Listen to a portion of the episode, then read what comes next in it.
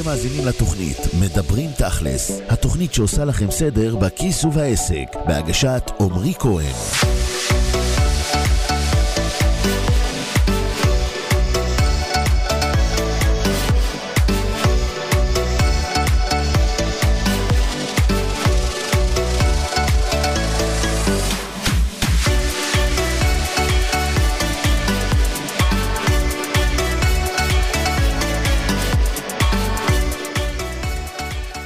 אהלן חברים, מה קורה? מה שלומכם? איזה כיף שאתם איתנו. כמדי יום שלישי ב-11, אנחנו כאן ברדיו סול, כדי לעשות לכם בעיקר שמח ולעזור לכם לחיות את החיים שאתם רוצים. להצליח בעסקים, להצליח בחיים האישיים, להצליח בכל מה שקשור לחשבון הבנק שלכם, לנפח לכם אותו ככל שאפשר. היום אנחנו לא נדבר עם מאזינים, אלא יש לי אורח מיוחד בתוכנית, אתם כבר מכירים אותו, למען האמת זה כבר פעם שלישית שלו פה. כל כך אוהב לשאול שאלות, ואתם כל כך אוהבים את השאלות שלו, אז אין לי ברירה אלא להזמין אותו שוב. אז אה, איתנו אור סגאוקר, תכף הוא גם אה, יציג את עצמו קצת, אה, יספר לכם מה הוא עושה, והיום אנחנו נדבר על הרבה מאוד שאלות, אין לי מושג מה הוא הולך לשאול, אבל אה, אני יכול להבטיח לכם דבר אחד, השאלות שלו יהיו טובות, והתשובות שלי יהיו גם כן טובות. אז uh, אנחנו נתחיל. אז uh, אור, וולקאם, מה שלומך? מעולה עמרי, מה שלומך? טוב לראות אותך פה פעם שלישית, גלידה, הבאת? בדרך. בדרך זה טוב, מעולה. בוא תספר למאזינים רגע מה אתה עושה כדי שידעו גם, uh, אתה יודע, למה אתה פתאום בא כל פעם ושואל שאלות שקשורות לעולם ההתפתחות האישית, תספר רגע מי אתה, מה אתה עושה, איך אתה יכול לעזור לאנשים ששומעים אותנו. אז אני אור סגאוקר, בן 27, אני מאמן uh, להתפתחות אישית. מה שאני עושה זה להניע אנשים להשיג את מה שהם רוצים, תוך כדי זה שאני נותן להם את הידע והכלים הטובים ביותר שאני יכול לתת להם, uh, וזהו, בגדול. זהו בגדול זה הרבה, אתה יודע, לעזור לאנשים להשיג את מה שהם רוצים זה משפט קטן וקל להגיד, אבל uh, קשה לביצוע. Uh, מי כמוני בעולם של האימון יודע עד כמה קשה לעזור לאנשים להשיג את מה שהם רוצים. מעולה, מעולה, מעולה. אז מה מחכה לנו היום? מה בישלת לנו? היום בתוכנית נחלק את זה לשלוש חלקים, Mm-hmm. עם שלושה שאלות uh, שהתבססו בגדול על, uh, גם על השוואות, גם על חוזקות וגם על חזון וייעוד. יאללה, אז למה אנחנו מחכים? שוט. יאללה, אז קודם כל, מה זה בכלל להשוות עם מישהו אחר? מה הפרשנות של זה? מה זה אומר? תראה, בסוף אה, אנחנו יצורים של... אה, שאוהבים להשוות אחד לשני. והמוח שלנו לא יודע להגיד לנו אם משהו, אגב, הוא טוב או רע, אם אין לו למה להשוות. לכן, בין אם אנחנו אוהבים את זה, בין אם אנחנו לא אוהבים את זה, השורה התחתונה היא שכל בן אדם משווה. כל בן אדם משווה את עצמו לאנשים אחרים.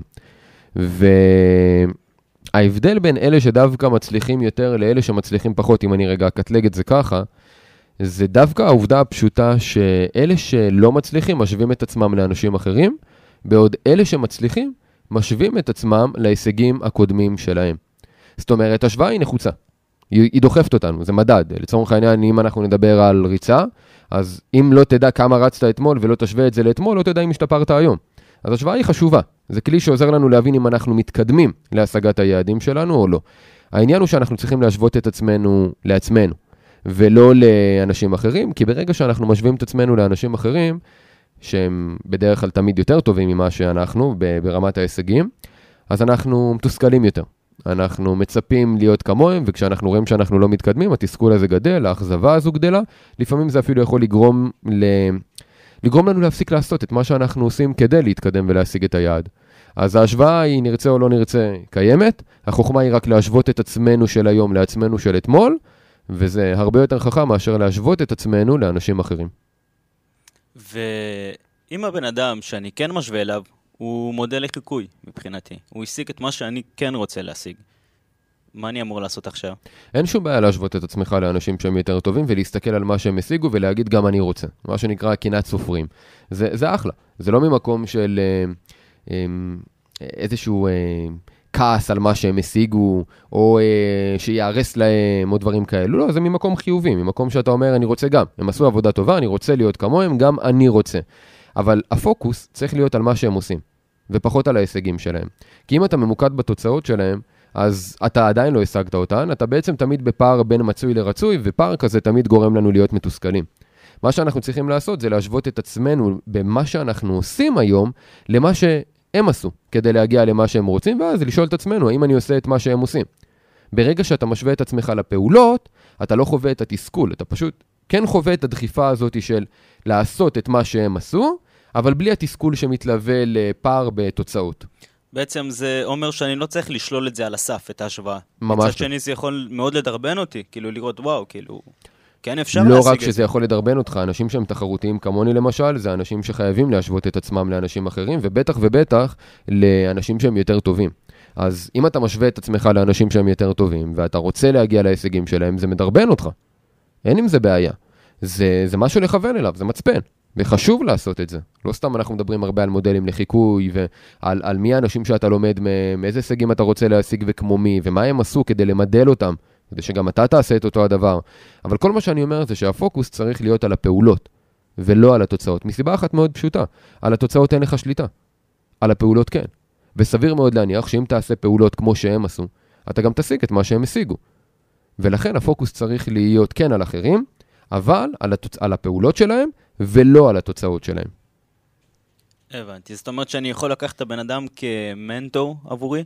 בעצם, מה זה אומר מנטור? כאילו, איך אני יודע אם, המ... אם הבן אדם הזה באמת יכול להיות מודל לחיקוי או מנטור עבורי, אם זה נכון או לא נכון עבורי? לי יש מדד אחד, תראה, יש הרבה מדדים של קודם כל ברמת החיבור האישי וברמת הידע המקצועי וכל הדברים, אבל מעל כל המדדים האלו, שהם יכולים להיות סובייקטיביים ושונים מאדם לאדם, הייתי אומר שהמדד הכי חשוב זה האם הבן אדם משיג את מה שאתה רוצה.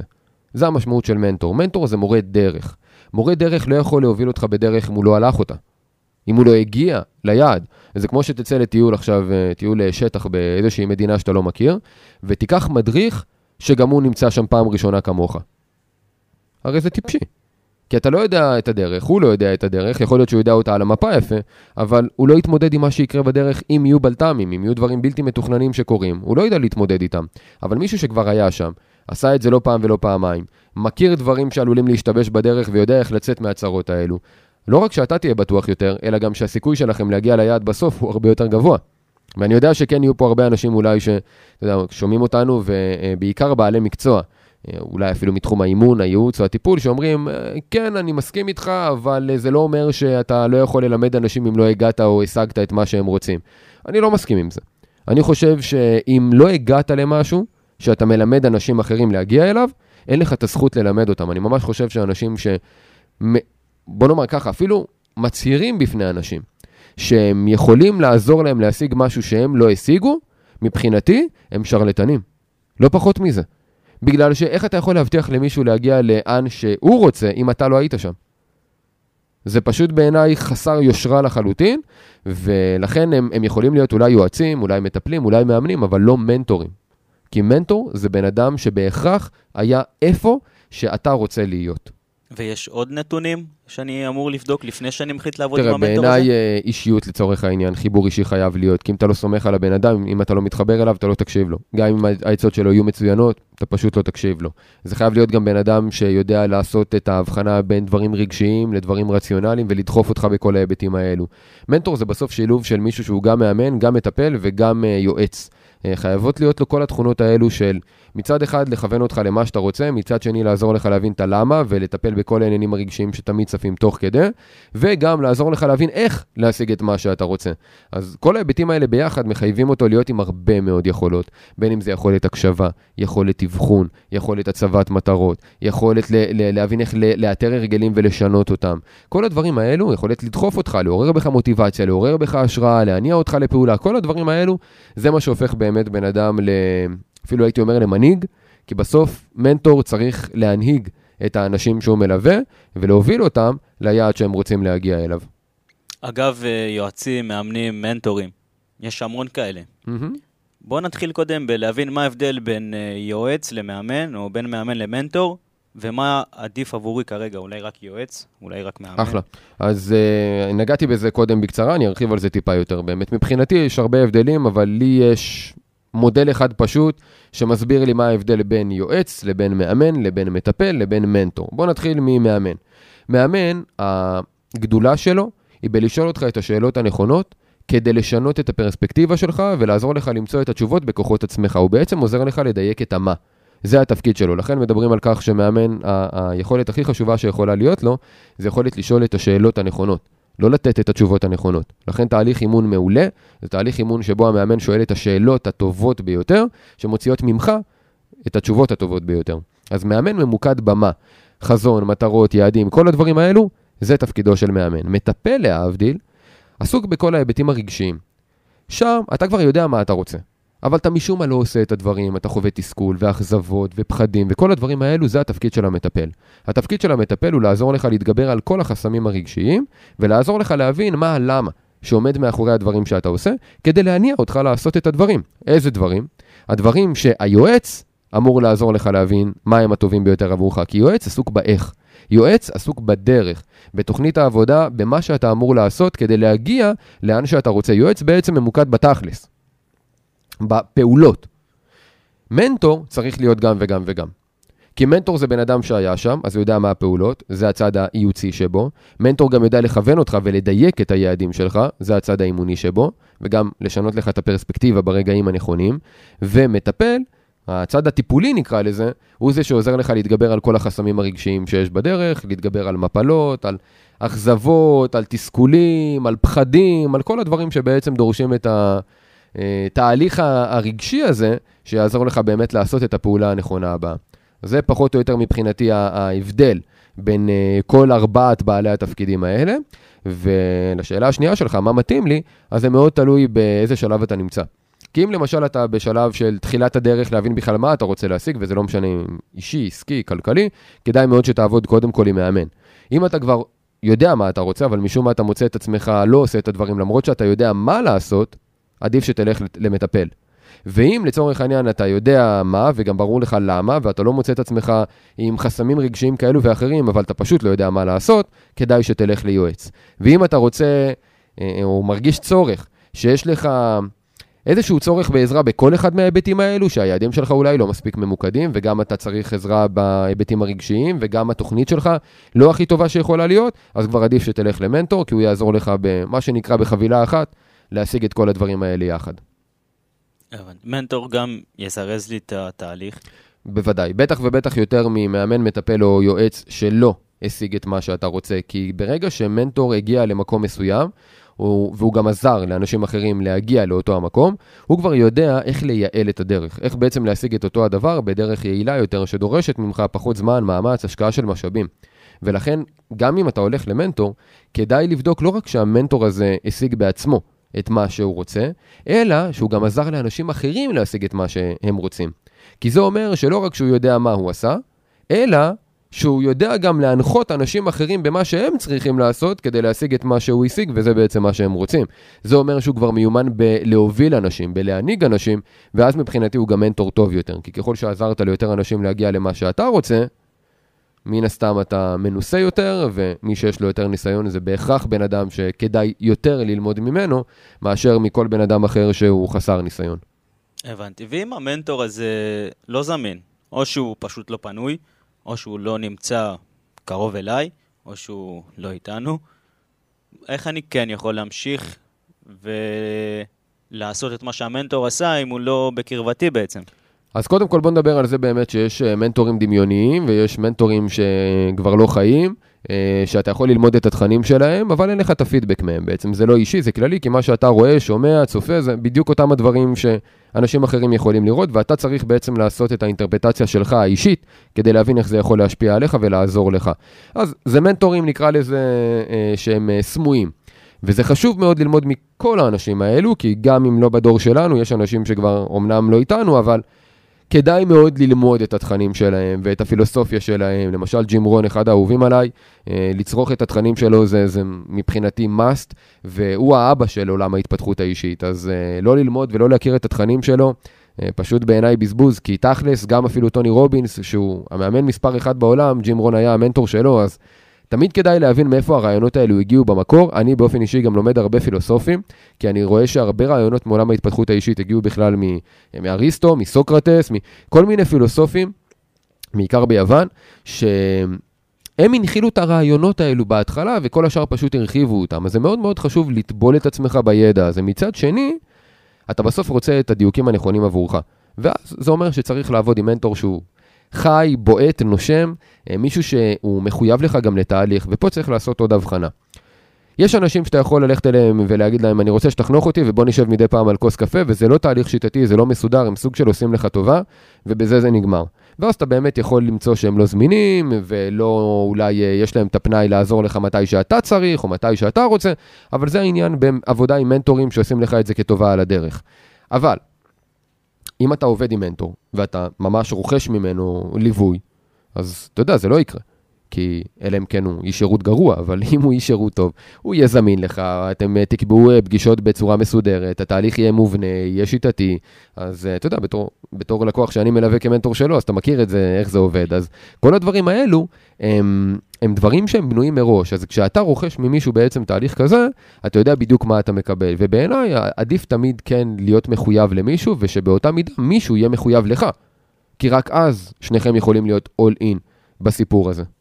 בעצם מנטור זה בגדר חובה, כאילו להצלחה אני חושב ש... בטוחה ומהירה. כן, אני חושב שאם אתה רוצה להגיע להצלחה בדרך מאוד יעילה, אז אחד מקיצורי הדרך הטובים ביותר זה ללמוד ממישהו שעשה את זה, קוראים לזה מנטור, אז uh, בהחלט כן. גם קיצור דרך יכול להיות לקרוא ספר.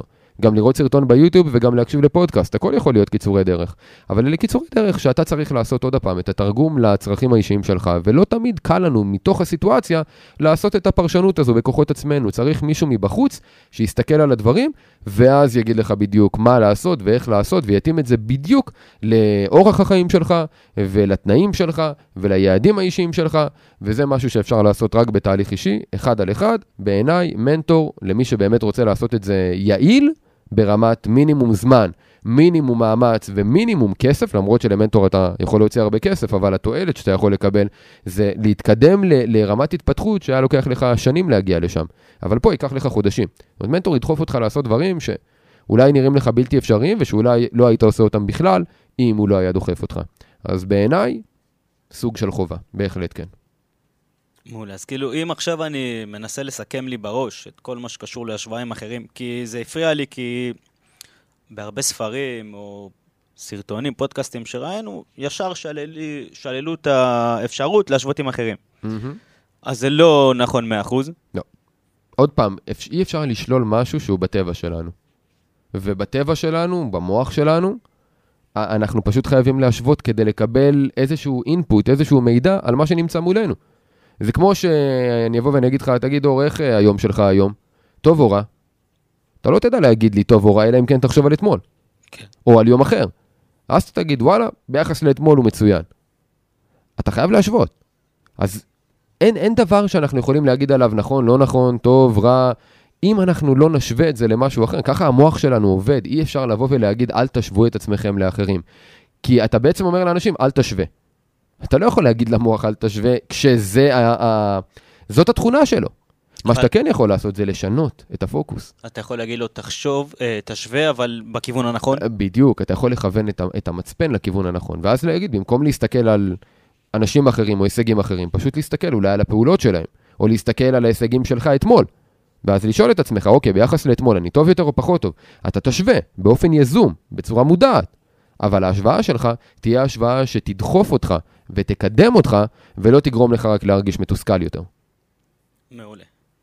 מעולה, אז אני מבין שסיימנו את החלק הראשון, זמן מעולה לצאת לשיר, ואחר כך אנחנו נמשיך עם החלק הבא שתכננת לנו. אז uh, בואו נשמע את אלוף העולם. חזרנו אז היום בתוכניתנו, אור סגאוקר, מאמן להתפתחות אישית. שואל עוד שאלות מעניינות, קיבלנו מכם פידבקים טובים בפעמים הקודמות על השאלות ועל התשובות, אם יורשה לי לומר. אז אה, לא יכולתי שלא להזמין את אור כבר בפעם השלישית לשאול שאלות בנושאים אחרים, שאלות שהוא רצה לשאול בפעמים הקודמות ולא הספקנו, כי מה לעשות, הזמן אף שנהנים. אז אה, עברה לנו אה, שליש תוכנית בערך, יש לנו עוד שני שליש ליהנות משאלות טובות. יאללה, אור, שוט. אז בחלק הזה נדבר קצת על אה, חוזקות. מעולה. מה זה בכלל חוזקות? שאלה טובה מאוד להתחיל איתה. חוזקה, במילים פשוטות, זה משהו שאנחנו גם אוהבים, וגם יש לנו את הידע והמיומנויות לעשות אותו בצורה שהיא לא רק טובה, אלא גם יש לה את הפוטנציאל להיות מצוינת ומצטיינת. זאת אומרת שאנחנו יכולים להיות בה טובים יותר מכל בן אדם אחר בעולם, לפחות ברמת הפוטנציאל. זה בעצם שילוב של הדברים שאנחנו אוהבים, יחד עם הדברים שאנחנו טובים בהם, ויש לנו סיכוי להצטיין בהם. זה במילים פשוטות, הגדרה לחוזקה. ואיך אני מזהה את זה אצלי? קודם כל, אה, כדאי להתחיל מאוד מהרשימה של הדברים שאתה אוהב, ומסיבה מאוד פשוטה. אה, יש שתי שאלות מפתח לכל בן אדם בכל מה שקשור להתפתחות אישית, שאלות שכל אדם חייב פשוט לענות עליהן, ולגלות את התשובה שלהן. האחת זה מה אני אוהב, השנייה זה במה אני טוב. ואם הייתי צריך לבחור רק אחת מהן, אז הייתי שואל את השאלה מה אני אוהב ולמה. כי לא הגיוני שאתה תאהב דברים שאתה לא טוב בהם. סביר מאוד להניח שאם אתה עושה דברים שאתה אוהב, אתה טוב בהם. כי גם אם למשל אתה, לא יודע, אוהב לבשל, אבל uh, מה שנקרא פידבקים על האוכל שאתה מבשל הם לא משהו, אז uh, אתה צריך להיות uh, סדיסט כדי להמשיך לבשל ולקבל פידבקים שליליים ועדיין ליהנות מזה. אז זה סביר להניח שזה לא יקרה, uh, ולכן אנחנו בדרך כלל אוהבים את הדברים שאנחנו ממש ממש טובים בהם. ולכן, אם אנחנו נבין מה אנחנו אוהבים, אז אנחנו נוכל להבין שמתוך הרשימה הזו, כולה או חלקה, זה גם דברים שאנחנו ממש טובים בהם. ואלה הדברים שיעזרו לי להבין מה אני רוצה לפתח ולבנות קריירה כדי להצטיין באותו תחום ולהגיע להישגים מרשימים מאוד. אז בעצם כדי לזהות חוזקה, אני פשוט עושה שתי רשימות, מה אני טוב, מה אני אוהב, לוקח ממה אני אוהב את הנקודות שאני גם טוב בהן, ומשם אני בעצם מזהה את החוזקות שלי? אתה יכול אפילו רשימה אחת, כי עוד פעם, אם אתה שואל את עצמך מה אני אוהב, אז במה אתה טוב, בתוך הרשימה הזו. עכשיו, כדאי גם לשאול באופן אקטיבי, במה אתה טוב, כי לפעמים יש דברים שאתה טוב בהם, אבל אתה פשוט לא אוהב אותם. גם כן. יכול להיות. יכול להיות שאתה בן אדם שמאוד טוב עם מספרים, אבל אתה לא סובל לעבוד על, אה, לא יודע, דוחות או ניתוחים אנליטיים וכל מיני כאלו, אז אתה טוב בזה, אבל אתה לא אוהב את זה. אז אתה רוצה לעשות דברים שאתה גם טוב בהם וגם אוהב אותם. אז לפעמים אין הלימה בין שתי הרשימות, אז כדאי תמיד לשאול, אבל אני מאמין שקריירה כדאי לבנות קודם כל רק על משהו שאתה אוהב וטוב בו, ולא על משהו שאתה טוב בו, גם אם אתה ממש ממש טוב בו, אבל אתה לא אוהב אותו. כי אז מאוד יכול להיות שאתה תעשה עבודה מצוינת, אבל לקום כל בוקר עם, עם עצב ותסכול, כי אתה לא עושה את מה שאתה אוהב, אני לא, לא חושב שיש מישהו שיכול להחזיק בעבודה כזאת. לצערי, יש אנשים כאלו שעושים את זה מכורח, כי חייבים להתפרנס, אבל זה, זה פשוט לא משהו שיכול להחזיק מעמד חיים שלמים, ב... לפחות לא לבן אדם שרוצה להישאר שפוי. הבנתי, בעצם זה הבסיס שלי לבחירת מקצוע אפילו. לגמרי, לגמרי. השאלה השלישית שאתה צריך ל... להוסיף על זה, לגמרי. השאלה השלישית שאתה צריך להוסיף על זה כדי לקשר את זה למקצוע בחיים, זה גם מה כלכלי. ואז אתה, כי עוד מעט, יכול, יכול מאוד להיות שאתה פתאום, אה, לא יודע, עוד פעם, אוהב לבשל, אבל, אה, ואתה גם מאוד טוב בזה. אבל אם ונגיד אתה לא מוצא את הדרך להתפרנס, כמובן זה לא קיים, כן? אתה יכול להיות uh, שף, לפתוח מסעדה, לא בעיה. אבל uh, אם לא הייתה את הדרך להתפרנס מזה, אז מאוד נכון שאולי זה יהיה תחביב, ולא באמת קריירה לחיים. אבל בעיניי, אם אתה מנסה לחשוב על השאלה ממה אני יכול לעשות כסף, היום מכל דבר אפשר לעשות כסף. גם אם אני אוהב מאוד לראות סרטים ואני רוצה לעשות את זה כל החיים, ואני רוצה רק לראות סרטים, לשבת, לרבוץ מול הטלוויזיה ולראות סרטים, ואני מאוד אוהב את זה, ואני גם חושב שאני מאוד טוב בלראות אולי, אתה יודע, לתת ביקורת לאחרים על הסרט, או כל מיני דברים כאלו, או לעודד אותם לראות את הסרטים.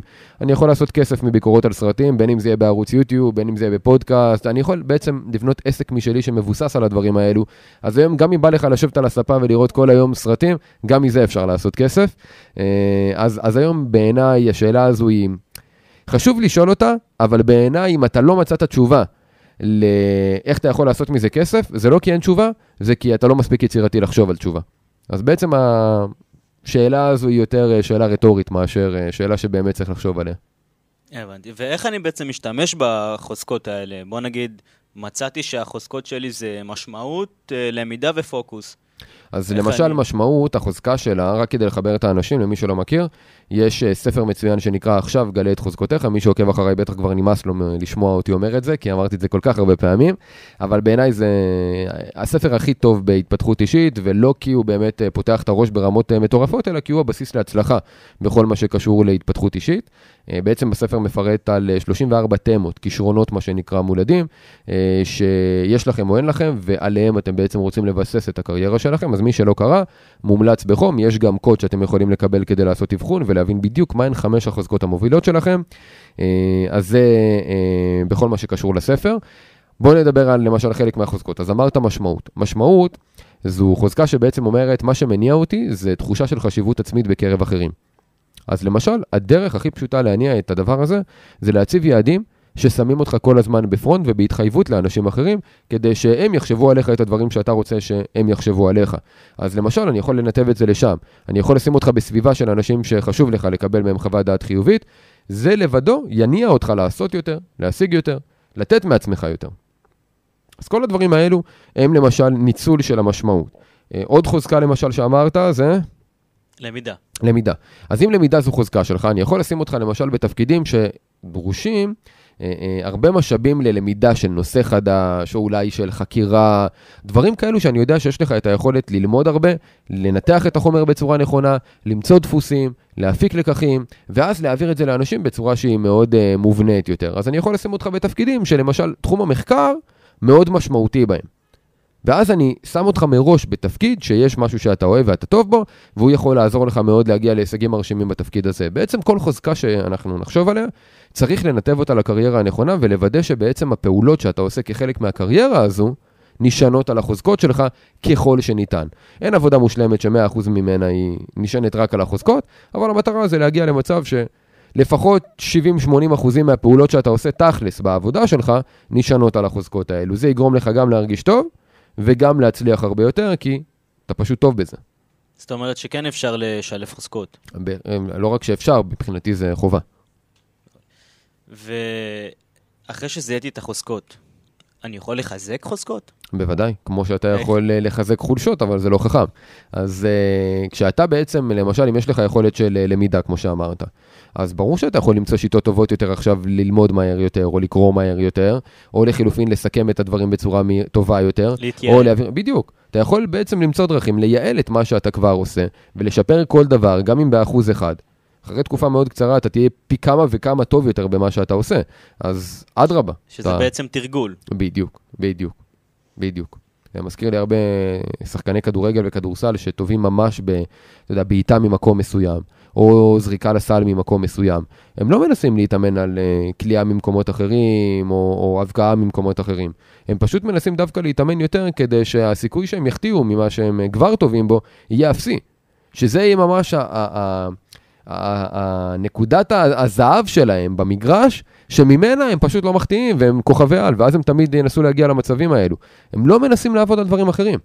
הם פשוט מחזקים והופכים לרמה שהיא על גבול האגדה, ספציפית למה שהם כבר טובים בו. בעצם מתמקדים במה שהם חזקים בו. בדיוק. זה גם מבחינה מדעית, אה, ככה המוח שלנו עובד. אה, בפחות או יותר עד גיל, בוא נגיד 20, משהו כזה, המוח שלנו מייצר הרבה מאוד קשרים, וצריך לדמיין את המוח שלנו כמו עץ. שבהתחלה יוצר לעצמו שורשים ככל שאנחנו צעירים יותר, ואז גזע, ואז ענפים וכדומה. ככל שאנחנו מתבגרים, השורשים והגזע קיימים, המוח יודע לייצר רק עוד ענפים. אז אם אנחנו מנסים אפילו לחזק חולשות, כי הגזע והשורשים זה החוזקות שלנו. אז אם אנחנו מנסים דווקא לעשות את מה שהרבה מטיפים לו, שזה ממש לא נכון גם ביולוגית, גם מדעית, לחזק חולשות שלנו, אנחנו בעצם ניצור ענפים חדשים. זה לא שאנחנו לא נשתפר, אבל אנחנו נהיה מגרועים טובים. אין סיכוי שנהיה מצוינים, כי זה לא חוזקה.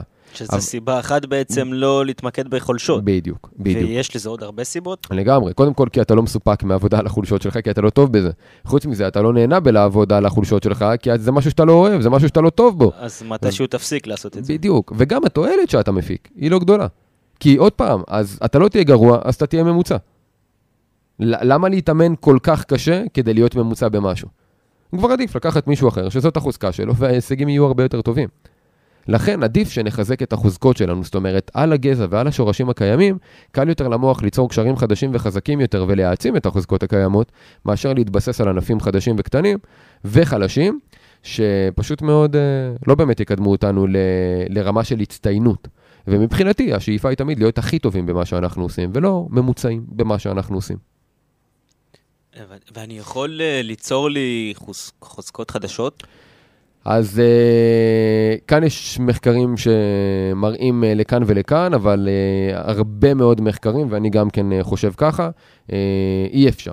ליצור חוזקות, אתה יכול לגלות את החוזקות שיש לך, יש לך, לכל בן אדם יש חוזקות מלידה, אה, אנחנו רק צריכים לגלות אותן ולשחק עם הקלפים שחילקו לנו. זה כמו, לא יודע, נשחק פוקר, ואני אחלק לך קלפים, חמישה קלפים לצורך העניין, זה הקלפים שיש לך. עכשיו אתה יכול להסתכל עליהם, אתה יכול להחליף חלק מהם, אבל אתה... הקלפים האלה, גם אם אתה זורק אותם, הם, הם שלך לצורך העניין, בניגוד לפוקר שחוזרים לקופה ומחלקים שוב. אז כאן, הקלפים האלה הם עדיין שלך. אתה יכול להוסיף עוד דברים, זה לצורך העניין מקביל לחזק את החולשות שלך, אבל יש לך קלפים מלכתחילה שקיבלת, זאת היד החזקה שלך, עם זה אתה צריך להתמודד ולנצח.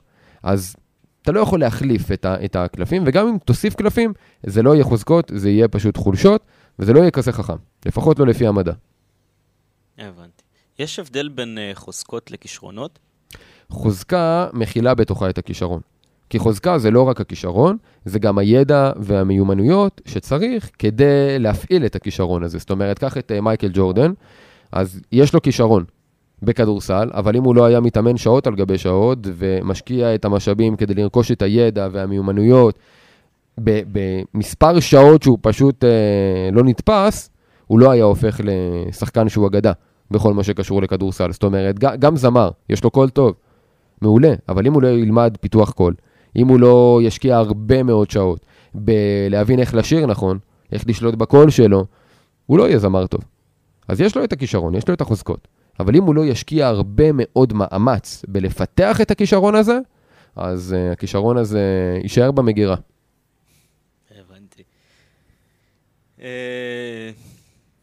בגדול, uh, נראה לי לחלק הזה של החוזקות, אני חושב שנגעתי בכל השאלות שרציתי. מעולה. אז יאללה, זמן מצוין. לנוח עם עוד איזה שיר, ואז נחזור לחלק השלישי. אז בואו נשמע את...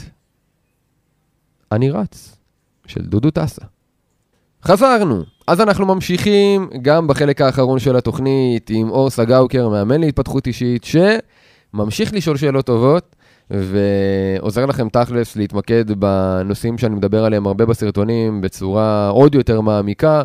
אז uh, דיברנו כבר בחלק הראשון, או יודע מה, למה אני צריך לספר? אור, בוא תספר בעצם על מה דיברנו עד עכשיו ומה מצפה לנו בחלק הזה.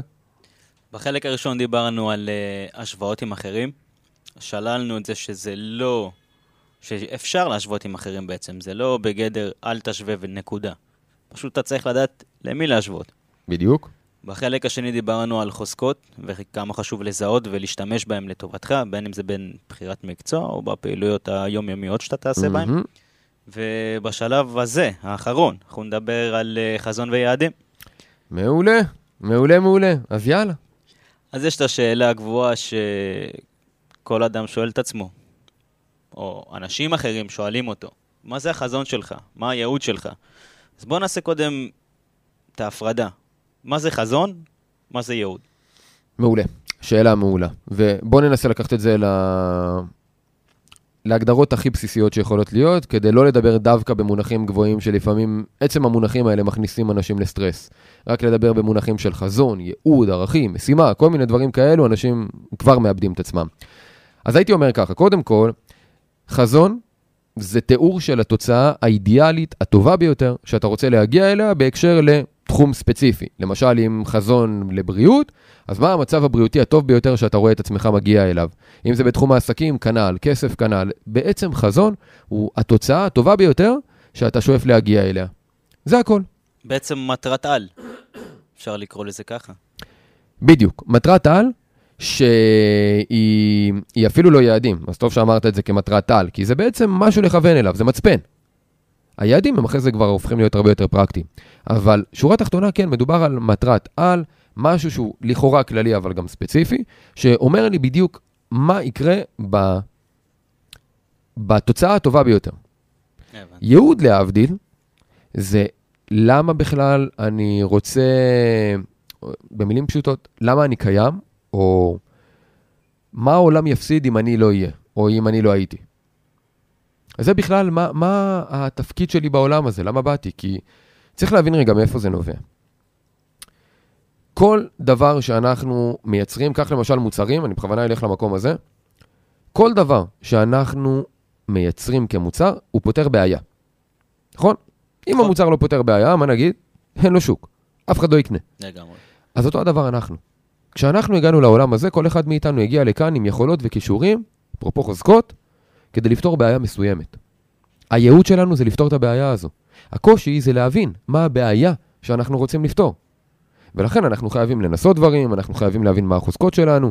גם הסיפור האישי, סיפור החיים האישי של כל אחד מאיתנו, הוא פועל יוצא של מה שמוביל אותנו לחזון שאנחנו רוצים להשיג, וכפועל יוצא מכך לייעוד שלנו. כל הדברים האלו הם פשוט ה... כמו רמזים שמכוונים אותנו לייעוד ולחזון ולמה שאנחנו בעצם רוצים להשיג בחיים שלנו. אז השאלה הפשוטה של למה, למה אני כאן, אני אוהב דווקא את השאלה של איזו בעיה אני נולדתי לפתור. השאלה הזו בעיניי הרבה יותר פרקטית, וכשחושבים על השאלה הזו, ומי שניסה אולי לא פעם ולא פעמיים לחשוב על ייעוד, שינסה רגע לחשוב על השאלה הזו. איזו בעיה אני נולדתי לפתור? עם הכישורים והיכולות שיש לי ועם הדברים שאני אוהב לעשות, איזו בעיה אני נולדתי לפתור. וברגע שאני מבין את הדברים האלו, אז קל לי גם למצוא את התשובה, ומשם, ברגע שאני יודע מה הפתרון שאני צריך ליצור, קל לי לכוון את עצמי למסלול מסוים, וזה הייעוד שלי, וזה גם הופך להיות המשימה, והמשימה, להבדיל מייעוד, זה פשוט ה- ה- כמו האסטרטגיה שלי, של מה אני צריך לעשות כדי להגשים את הייעוד הזה. ויש עוד כלים למצוא חזון וייעוד, כי לפעמים כששואלים את השאלות האלה, לעצמנו לפחות, יהיה לנו מאוד קשה בהתחלה לענות עליהן. תראה, לגבי חזון, השאלה היא מאוד טכנית. כי בעצם אתה אומר לעצמך, אוקיי, מה אני רוצה להשיג עכשיו? ובמצב אידיאלי, מה, מה החלום הכי גדול שלי? שאלה טכנית לכאורה, לא קשה למצוא את זה. זאת אומרת, אם תשאל בן אדם מה אתה רוצה להשיג, ואז בוא נגיד ואתה יכול לקחת את התוצאה הזו למקום הטוב ביותר, אנשים ידעו להגיד לך. הקושי הוא בייעוד. אבל אז אנחנו, בעיניי יש כלי, יש הרבה כלים, אבל מפאת קוצר הזמן אני אדבר על כלי אחד שבעיניי הוא, הוא אה, הכי משמעותי. כל בן אדם צריך לבחון את עצמו ואת החיים שלו, ולשאול את עצמו, מהם הרגעים הקשים שהיו לי בחיים? וברגעים הקשים האלו, איך יצאת, איך יצאת מהם? מה עשית כדי לצאת מהרגעים הקשים האלו? ושם נמצא הרמז הגדול ביותר לייעוד שלך. כי אם לצורך העניין אתה יכול לשמוע אולי סיפור על uh, uh, מישהי שחוותה אובדן מסוים, והיה לה מאוד קשה, אבל היא מצאה את הדרך להתגבר. פתאום אתה רואה שהיא רוצה מאוד לעזור לאנשים להתגבר על האובדן באותה הדרך שהיא גילתה. וזה הופך להיות הייעוד שלה. בעצם לעזור לאנשים להתגבר על אובדן בדרך שעוזרת להם לשקם את החיים ולחזור לשגרה כמה שיותר מהר. פתאום זה הופך להיות הייעוד שלה, בגלל סיפור החיים שלה, בגלל מה שהיא עברה. ולכן גם אמרתי קודם שהייעוד שלנו הוא, אנחנו צריכים לגלות אותו. אבל אנחנו מגלים אותו לא משום מקום, אלא מסיפור החיים שלנו, ממה שעברנו. אז כל בן אדם צריך בעצם להסתכל פנימה ולשאול את עצמו מהם הרגעים הקשים שבהם אני נפלתי, והתרוממתי מהם, ועכשיו לחשוב אם יש אנשים שנמצאים בסיטואציה הדומה, והאם אני רוצה עכשיו לקחת על עצמי את האחריות הזו, כי ייעוד זה אחריות, של לעזור לאנשים לצאת מהמקום שאני הייתי בו, ולהגיע למקום שאני נמצא בו היום. בעצם שקשרת למנטור בעצם. אתה הופך להיות מנטור בדיוק. דרך ה... בדיוק. בעיניי כל בן אדם יכול להיות מנטור. כל בן אדם השיג משהו בחיים שלו, אם אתה עוזר לבן אדם עכשיו להשיג את מה שאתה כבר השגת, אתה מנטור. כל אדם היום כבר יכול להיות מנטור לאנשים אחרים שעדיין לא השיגו את מה שכבר הוא השיג. פשוט, יש רמות. יש אחד שסתם ברמה הכלכלית הגיע למיליון שקלים, ויש אחד שהגיע לעשרה מיליון שקלים, ויש אחד שהגיע למאה מיליון שקלים. אז תלוי באיזה שלב אתה נמצא ומה היעדים שלך. קח מנטור שהגיע למה שאתה רוצה. אבל גם זה שעשה רק מיליון לצורך העניין, עדיין יכול להיות מנטור להרבה אנשים שלא הגיעו לסכום הזה. אז כל הרעיון הוא שכל אחד מאיתנו הוא כבר היום מנטור לאנשים אחרים שעוד לא הגיעו. פשוט מאוד, לא תמיד הדברים האלה מדליקים אותנו, או שאנחנו רוצים לבנות עליהם קריירה. אבל לכן אני אומר שאנחנו צריכים לנבור פנימה בסיפור האישי שלנו, ולהבין מה היו הרגעים הקשים שלנו, ומשם לחשוב אם אנחנו רוצים לעזור לאנשים לעבור את הרגעים הקשים שאנחנו עברנו בדרך הרבה יותר יעילה. זה מבחינתי יכול לתת רמז עבה מאוד לייעוד שלנו. וזה בגדר חובה למצוא ייעוד וחזון בחיים? תראה, שום דבר לא חובה בחיים. חובה רק למות. חוץ מזה, שום דבר. אבל... אה, למה זה כל כך חשוב בעצם? כי ז, ז, זאת בדיוק הנקודה, וזה למה בעיניי זה כן חובה. כי ייעוד נותן לך תחושת משמעות. ואני יודע שהרבה מדברים על אושר ורוצים להרגיש אושר, אבל היום יש כבר מחקרים שמבדילים בין תחושת אושר לתחושת משמעות, ואם מדרגים את זה בהיררכיה כזאת, בפירמידה, תחושת המשמעות היא מעל תחושת האושר. כי תחושת האושר היא רגעית, אתה יכול לחשוב על קנית משהו, עשית משהו, אתה חווה אושר, הוא רגעי, הוא חולף מאוד מהר. גם הדברים הכי טובים חולפים לאחר מספר חודשים. לטוב ולרע. גם אובדן של בן אדם מאוד יקר, אחרי מספר חודשים כולנו חוזרים לשגרה, והכאב כבר שוכח, ואנחנו כואבים הרבה פחות. אנחנו זוכרים עדיין, אבל כואבים הרבה פחות. זה הזמן, נפלאות הזמן. אבל כשאתה, יש לך ייעוד והוא גדול יותר מעצמך, וזה משהו שאפילו אתה לא בטוח שאתה יכול להגשים במסגרת החיים שלך, אז יש לך תחושת משמעות מאוד גדולה. ואז אתה לא מחפש את תחושת העושר הרגעית הזו, אתה פשוט מחפש תחושת משמעות שנותנת לך בוסט מטורף לכל יום, מוטיבציה אדירה. אתה לא צריך לחפש אותה לא בחוץ, לא באיזה סרטון ביוטיוב ולא באיזה מישהו שמדבר בטון מתלהב עם מוזיקה מגניבה, שגורם לך להרגיש מוטיבציה לשנייה וחצי. אתה, אתה באמת עם מוטיבציה פנימית אדירה להגשים משהו שהוא גדול יותר מעצמך, ואתה גם מרגיש הרבה יותר משמעות בחיים שלך, שזה תחושה שהיא פי כמה וכמה מתחושה של אושר. בעצם אני חייב להתחיל לחשוב על חזון וייעוד כדי להבין מה הדרך שלי, לאן אני הולך. בדיוק. זה פשוט כדי להבין מה אתה רוצה לכוון אליו ומה אתה רוצה להשיג. כי אם, אתה, אם אין לך חזון, הרי ממה חזון מורכב? מהרבה מטרות קטנות כאלו. עכשיו, אם אין לך חזון, אתה גם לא יודע מה המטרות הקטנות. ואם אין לך מטרות, אתה לא יודע לאן אתה מכוון. וכמאמר הקלישאה בספר של אליסה בארץ הפלאות, אז עוד פעם, החתול שם אומר לה, תגידי, מה, לאן את רוצה ללכת? והיא אומרת, לא משנה, מה זה משנה באיזה דרך תלכי? אותו סיפור, בן אדם שאין לו מטרות בחיים, לא יודע לאן הוא מכוון, אין לו מצפן. אז הוא כל יום פשוט קם והוא זורם עם החיים. ורק דגמט שוחה עם הזרם. ככה בעצם אני מכוון... מגיע לשום מקום. ככה אני בעצם מכוון את הפעולות שאני עושה ביום-יום כדי להשיג את המטרות. בדיוק, זה כמו... שאני רוצה ביום-יום. כמו שתיכנס לרכב ותתחיל לנסוע, אבל אין לך מושג לאן. אתה מפעיל ווייז ואומר לו, קח אותי. לאן? לא משנה. לאן תגיע? לא משנה. עכשיו, אחרי זה אנשים גם מתלוננים על זה שהם לא משיגים את מה שהם רוצים. צריך להבין, המוח שלנו יוכל לעזור לנו להשיג כל מה שאנחנו רוצים. אם רק נגיד לו מה. בצורה ספציפית, ממוקדת. אם אנשים לא יושבים ואומרים לעצמם, רגע, מה אני רוצה להשיג? האם זה ספציפי? האם זה מדיד? האם אני יכול להשיג את זה? האם זה רלוונטי למטרות הגדולות שלי בחיים? אם אנשים לא ישאלו את עצמם את השאלות האלו ולא יכתבו בצורה מפורשת מה הם רוצים להשיג, אין מצפן. וכשאין מצפן, אתה לא יודע באיזה כיוון ללכת. ולכן כל בן אדם חייב שיהיו לו מטרות, רק כדי שהוא ידע מה הוא צריך לעשות כדי להשיג אותן, כי אם לא, הוא פשוט יעזור לאנשים אחרים להשיג את המטרות שלהם. יש קלישאה יפה, משפט מאוד יפה שאומר שאם אתה לא עובד כדי להגשים את החלומות שלך, אתה עובד בשביל מישהו אחר כדי שהוא יגשים את החלומות שלו. וזה, אין לך, אתה לא יכול לא לעבוד כדי להגשים חלומות של אף אחד. אתה תגשים חלומות של מישהו, או שלך, או של מישהו אחר. אם אתה רוצה את שלך, המחיר הוא להציב מטרות ולעשות מה שנדרש כדי להשיג אותן, ואם לא, ואתה רוצה חיים קלים יותר, ראש קטן, סבבה. אתה רק תגשים את החלומות של מישהו אחר, אז אל תבכה על זה שאתה לא מגשים את כל החלומות שלך, כי זה המחיר. הבנתי. יש לנו זמן לשאלות כן, כן. בונוס? יש לנו עוד איזה ארבע דקות בערך, משהו כזה, אז אה, כן. יאללה, אז איך מפתחים כוח רצון? כוח רצון לא מפתחים, הוא קיים. אוקיי. הוא קיים בכל אחד מאיתנו. העניין הוא שהוא מוגבל. זה מה שמחקרים מראים. כוח רצון יש לנו, דמיין כמו סוללה, הטענת את הטלפון הסלולרי שלך, ויש לך 100% סוללה. ככל שאתה משתמש בו יותר, מה קורה לסוללה? מתרוקנת. פוחתת. עכשיו, ברגע שהתרוקנה הסוללה, מה קורה לטלפון? נכבה. ובזה זה נגמר. גם אם אתה רוצה לעשות עוד דברים בטלפון, עד שלא תטעין אותו, אתה לא יכול לעשות כלום. גם אנחנו מתחילים כל יום, בהנחה שאנחנו אוכלים נכון וישנים נכון, עם 100% כוח רצון. כל פעולה שאתה עושה, ובמיוחד כאלה שאתה מכריח את עצמך לעשות, אתה רוצה לרוץ, לא בא לך לרוץ, אתה יוצא לרוץ, לקחת יותר אנרגיה מאשר אם אתה רוצה לרוץ. זאת אומרת, ככל שאתה עושה יותר דברים שאתה לא באמת רוצה, שאתה מכריח את עצמך, אתה לוקח יותר אנרגיה. עכשיו, בסוף, אתה עושה הרבה דברים. כל פעם שאתה עושה משהו, בין אם אתה רוצה לעשות אותו ובין אם לא, האנרגיה פוחתת. בשלב מסוים, מגיע הרגע הזה ביום שאתה סחוט, עייף, אין לך כוח לכלום, פעולה היחידה שאתה מוכן לעשות זה להדליק את הטלוויזיה. ואז אנחנו מוצאים את עצמנו רובצים, רואים טלוויזיה, אה, מדפדפים את, אה, אה, ללא הפסקה בפייסבוק, או לא משנה מה, ואז זה מה שקורה. כי נגמרה לנו האנרגיה. לכן, אגב, אני אומר בהקשר לניהול זמן, לעשות את הפעולות החשובות ביותר על הבוקר. כי על הבוקר יש לנו סוללה מלאה. זה הזמן לנצל את כל המשאבים שלנו לפעולות החשובות ביותר, אבל מה אנשים עושים? רוב האנשים? בדיוק ההפך. מתחילים את היום עם הדברים הקטנים, עושים, עושים, עושים, עושים, עושים, אומרים לא, לא, בהמשך היום אני אעשה את הדברים החשובים יותר. ואז הם מגיעים לסוף היום ואין להם אנרגיה לעשות אותם. שזה טעות. בדיוק, ואז הם נדחים מיום ליום.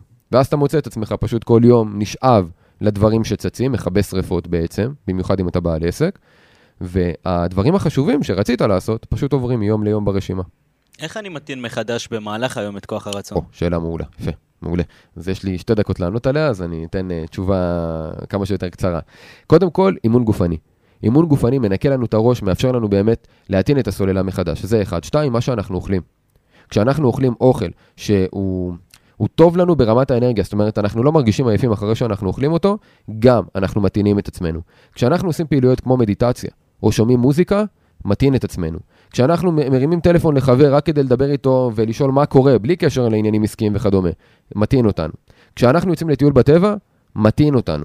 כל הדברים האלו גורמים לנו להטעין את הסוללה מחדש. אנחנו לא מטעינים אותה ל-100%, אבל זה כמו שתלך עכשיו לטלפון שנגמרה הסוללה, תטעין אותו רבע שעה, הוא לא יהיה ב-100, אבל הוא יהיה ב-20. אז יש לך עוד 20% עכשיו לנצל עד סוף היום. ובסוף היום, כשאתה ישן 8 שעות, אתה מטעין את הסוללה בחזרה ל-100%, ואם אתה לא ישן 8 שעות, אז מלכתחילה אתה קם בבוקר עם 70 60 ואז בעצם אתה מתעייף יותר מהר במהלך היום. אז אתה לא מתעייף ב-4, אתה כבר ב-12 מוצא את עצמך גמור. ולכן גם חשוב לישון. שמונה שעות, כי זה ההתנה הכי חזקה וחשובה שיכולה להיות. אנשים מזלזלים בזה, אני בעצמי זלזלתי בזה בעבר, היום אני חכם יותר כדי להגיד לאנשים, תעבוד פחות, תישן יותר. טוב, מקוצר הזמן נראה לי שאני אעצור פה, כי רק מה... מעולה. מהמשפט האחרון של התזונה יכלתי לעשות איתך עוד שעה של שיחה. אז אתה יודע, אתה מרים פה להנחתה, אולי תבוא עוד הפעם, אנחנו נראה כבר. לגמרי, מעולה. אז או, תודה רבה לך. תודה לך, עומרי. ואני באמת אה, אה, שמח על השאלות שלך, ואני בטוח שהמאזינים והצופים שלנו רואים הרבה ערך בשאלות, ובטח בתשובות. אז אה, שאפו לך שאתה לא מוותר ותמיד רוצה לבוא ולשאול ולהעמיק ו- וללמוד, גם בשבילך וגם בשביל הלקוחות שאתה מלווה בתהליכי האימון האישי שלך, כדי שבאמת תעזור להם, כמו שאמרת, להשיג את מה שהם רוצים. בעיניי זו שליחות מבורכת, ובטח ובטח ייעוד, בהמשך למה שאמרנו. אז תודה לך. ותודה לכם, אה, מאזינים יקרים, על שהייתם איתנו בעוד פרק בתוכנית מדברים תכלס. אם אתם רוצים לקבל ממני עוד, אתם מוזמנים לעקוב אחריי ביוטיוב ובספוטיפיי, או פשוט לחפש בגוגל ואתם בטוח תמצאו אותי. אז אה, אנחנו כרגיל נתראה ביום שלישי הבא ב-11. אנחנו נפגוש אתכם שוב. עד אז, שיהיה לכם אחלה יום ואחלה שבוע. תמשיכו לעשות טוב, תמשיכו להשיג את מה שאתם רוצים. תמשיכו להצליח.